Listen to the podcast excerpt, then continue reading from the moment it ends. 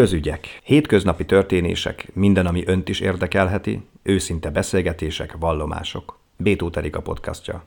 Vendégünk Petri Nóra, a Miskolci Egyetem kommunikációs munkatársa.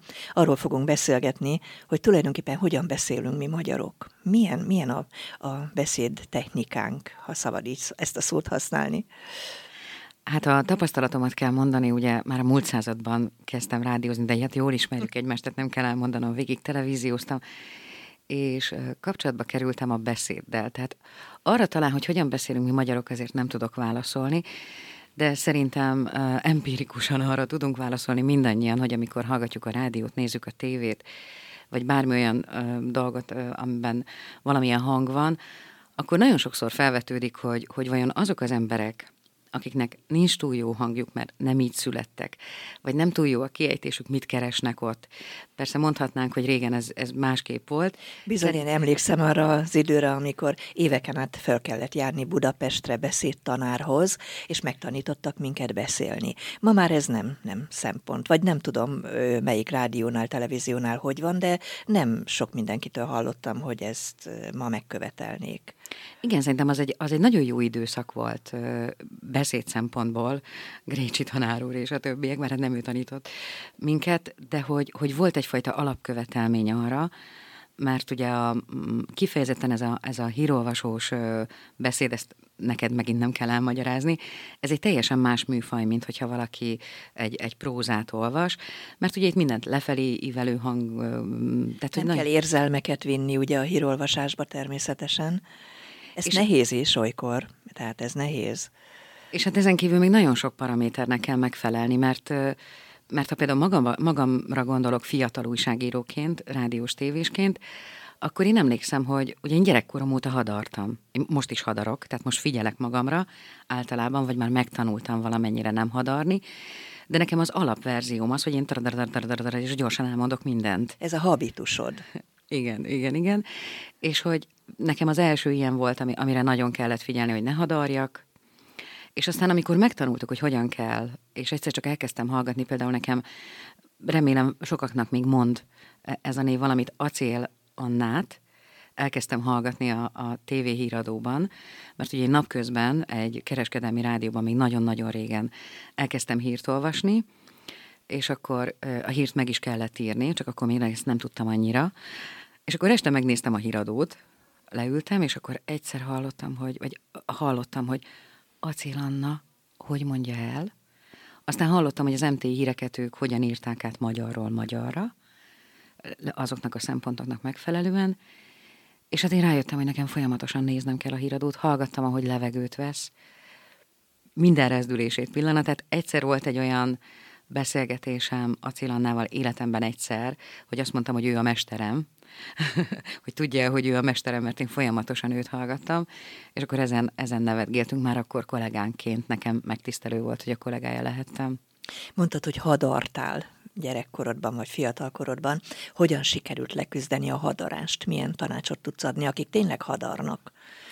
Hát nagyon nagy odafigyeléssel. Nekem volt olyan magyar tanárom, én jártam ilyen színjátszókba, verset mondtam, és az egyik magyar tanárom azt javasolta nekem, nagyon jól ismert, hogy nekem eleve úgy kell megtanulnom a verset, hogy nagyon-nagyon lassan mondom, mert én úgyis fel fogok gyorsulni. Ez lehet az egyik, de én azt gondolom, hogy mindenre, mint az életben, a tudatosság a legfontosabb. Tehát, hogy odafigyelni.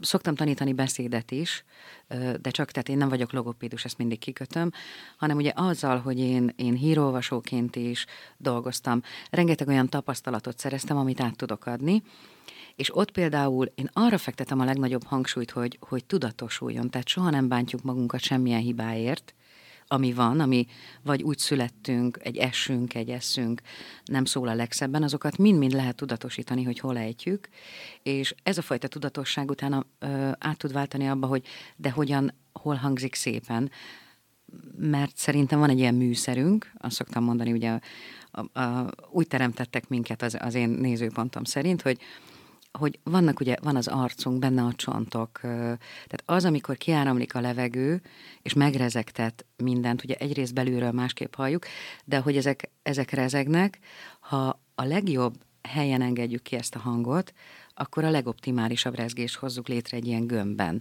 Tehát ugye van, aki nagyon magas hangon beszél, van, aki nagyon mélyen próbál, ezek is. Szóval ez egy, ez egy önmegismerő folyamat, hogy hogyan beszélek, mert számomra nem akarom nagyon spiritualizálni, de annyi, annyi azért mindenképpen a, az én életemben fontos, hogy a hang, a, az valójában a lelkünknek a rezdülése, mint hogy a szem a, a lélek tükre, szerintem a hang is egy ilyen tükör. Egyébként érdekes megfigyelés az is, hogy az ember, hogyha különösen a mi szakmánkban, eh, ahogy múlik az idő, mélyül a hangja. Szerinted ez miért van? Hát nem tudom, mert szerintem nekem mindig ilyen mély volt. Ez sok mindennek köszönhető egyrészt a szüleimnek, másrészt azért tettem is róla, most nem akarom reklámozni, hogy mi az, amire rágyújtok. De valóban, mintha egy picit mélyülne, illetve nekem van még egy megfigyelésem, nem tudom, te ezt mennyire hallod, hogy színészeken szoktam hallani, hogy van, akinek a hangja 90-valahány éves korában is ugyanolyan, mint, mint, mint 40 éves korában. Vagy, igen, igen. És van, akinek egyszerűen öregszik a hangja. Hát ez... Ez genetika lenne? Valószínűleg igen. Ezek ilyen egyedi sajátosságok. Érdekes, ugye azért mondtam, hogy érdekes megfigyelés, hogy fiatal kori riportjaimat végighallgattam, és saját magam hangját nem ismertem meg. Tehát, hogy mit ez eltelt 25 évben, 30 évben rengeteget változott a hangom, anélkül, hogy ez tudatos lett volna. Egyébként igen, valószínűleg öregszik velünk a hangunk egy kicsit, mindenképpen, tehát hogy, hogy valamennyire azért a, a kort az be lehet lőni egy, egy hangból. Az egyetemen mondod, hogy tartasz órákat fiataloknak, akik igénylik. E, mi a meglátásod, hogy mennyire beszélnek szépen a mai fiatalok, mondjuk egyetemistákról beszélek? Én, Vigyáznak én... a mondat alkotásra, a szóvégekre? Nem. Szerintem ugyanúgy nem, mint ahogy, mint ahogy mi sem vigyáztunk. Tehát, hogy, hogy ott érdekes, mert a, az egyetemen ez egy ilyen spontán dolog volt, hogy ugye vannak a diplomaosztók, és akkor azt találtam ki, hogy, hogy mi lenne, és egyetértett vele a, a kommunikációs csoport, mi lenne, hogyha, hogyha a diplomaosztókat fiatalok vezetnék. Tehát mindig van, amikor felkérünk moderátorokat, profi embereket, ami, ami szintén nagyon jó és abszolút ö, szükséges, de hát egy egyetemet mégiscsak a fiatalok kellene, hogy jellemezik, és valahogy, valahogy körénk jöttek olyan, olyan diákok, olyan egyetemisták, akiket ez érdekelt. És akkor nálam ez a nulladik óra az, amikor úgy felmérjük, hogy, hogy honnan, hová kell eljutni. Valamiért olyan szerencsém volt, hogy nagyon szépen beszélő ö, diákokat kaptam erre a kis ö, ez egy belső kurzus, tehát ne, ez nem egy ilyen hivatalos egyetemi ö, kurzus volt, és én, én nagyon szeretem ezeket az órákat. Mert ugye, ahogy mondtam, hogy, hogy szerintem ez egy, ez egy belső út, ez egy, ez egy önmegismerés a, a saját hangodról, hogyan beszélsz, hogyan mondod ki, azt hogyan kell. Egy ilyen nagyon összetett folyamat, pedig egyszerűnek hangzik, de ugye nagyon összetett folyamat az, hogy a kiejtésed is szép legyen, a hangodat is megfelelő helyen képez, legalábbis ott, ahol te vagy, tehát megtalálni a, a saját hangot, ezt, ezt így szoktam mondani, és aztán mikor kiállsz, akkor, akkor ugye arra is fel kellett őket készíteni, hogy, hogy ott lesznek több százan, ezren is akár, akik nézik őket, ez, ez még egy, egy következő nehézség. Van, akinek ilyenkor elmegy a hangja, van, akinek megváltozik a hangszíne, pontosan amiatt, hogy egy kicsit úgy izgul. Hogyan lehet legyűrni erre? Mit tudsz a fiataloknak mondani ezt a, hát úgymond ilyen, ilyen lámpalázat? Egyrészt nagyon sok gyakorlás, tehát olyan, tehát én azt találtam ki például a diákoknak, volt, akinek ugye azt mondtam, hogy, hogy akkor vegyük elő az oroszlánt, ezek ilyen belső kifejezések, akkor a király, van, akinek a királylányt kell elővenni, vagy a királynőt, vagy a királyt aki ugye ott van a térben, mert ugye nem elég az, hogy, hogy van nálad egy papír, és pontosan tudod, hogy mi van oda írva, te, és ráadásul még puskázhatsz is róla, tehát ez egy egyszerű dolognak tűnik, ha eleget gyakoroltál, akkor ezt jól fel tudod olvasni. Fel kell készíteni őket arra is, hogy mit kell csinálni, ha hibáznak. Én azt szoktam javasolni, hogy a hibánál, tehát ha valamit nagyon rosszul olvasunk, ugye akkor, akkor kiavítjuk. De csak ebben az esetben, hogyha nem érthető. Egyébként tovább kell menni. Tehát fel kell nézni, egy nagyon picit, egy belső mosolyjal, ezt is tanuljuk, hogy mi ez a belső mosoly, egy belső mosolyjal rá kell nézni a közönségre, és menni kell tovább. Vagy, ö, tehát, hogy vannak ennek olyan technikai, nem tudom ezt most így pontosan elmondani, mert ugye ezt mutatni kell. Látni kéne, igen. De ugye te is tudod, amikor valaki nagyon nagyot hibázik, és ránézel, és még ideges is szegény, akkor úgy nagyon megsajnálod. Ha hibázik egy, egy egyszerűt, amit bármelyikünk hibázhatna. Megbotlék nyelvbotlása van. Felnéz, konstatálja, mondja, hogy igen, tudom, megyek tovább de látod, hogy nem, nem borult ki abból a ritmusból, ahol van, akkor azt mondod, hogy de ügyes, na, ezt így kell csinálni. Te ugye hátat fordítottál a televíziónak, a rádiózásnak, ugye azért itt az egyetemen egészen más a feladatod. Nem hiányzik egy kicsit a mikrofon? Olyan értelemben nem, hogy nekem a tanítás mindig nagyon sokat ad. Tehát ott azért kommunikációs feladatok is vannak bőven, és én mindig, az egyik diplomám a tanítói, és én tanítottam is sokat az újságírás mellett, és nekem valahogy mindig, mindig kell ez a közeg. Tehát, hogy, hogy valahogy így vagyok Tehát teljes. a tanítás? Aha, így vagyok összerakva, hogy egy kicsit így mindig kell. Na, de nem válaszoltál, hogy nem hiányzik a mikrofon? Hát akkor ezek szerint hiányzik, hogyha kikerültem a kérdést. Igen, talán hiányzik. Ugye kérdeztem, hogy nem hiányzik-e a mikrofon, és azt tudom, hogy te vagy a magyar hangja például az MVK ZRT-nek tulajdonképpen. Ez hogyan jött ez a feladat, és hát miből áll?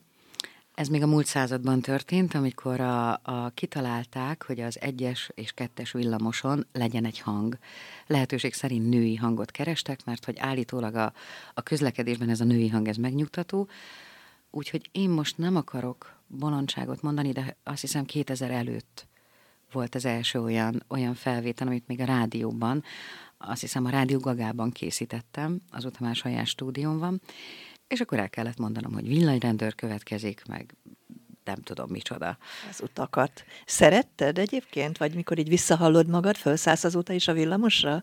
A, az leges-legelső élményem, amikor felszálltam a villamosra, az borzasztóan furcsa volt. Tehát amikor megszólalok én, hogy villanyrendőr, vagy nem tudom, de hát ez, ez már évezredekkel ezelőtt történt. Azóta meg nagyon kedves történeteim vannak. Például egy kollégám mesélte, hogy felszállt a villamosra, és, és valami olyasmi szöveg van ott, hogy, hogy a villamos forgalmi okokból lassíthat, ezért kér, kérjük utasainkat, hogy kapaszkodjanak. És akkor ott állt egy ilyen, hát nem józan ember, és vicces, nyári melegben, és ugye elhangzott ez a szöveg, és egyszer csak azt mondta, ne aggódj, kapaszkodok. és ez, ez annyira, annyira kedves volt, ahogy elmeséltem, mert ugye általában, hogyha hallasz egy ilyen szöveget, hogy kérem ezt és ezt csinálják, vagy szeretne valamilyen kérdést feltesznek, akkor általában az ember magában azt mondja, hogy nem, nem hagyjál már békén.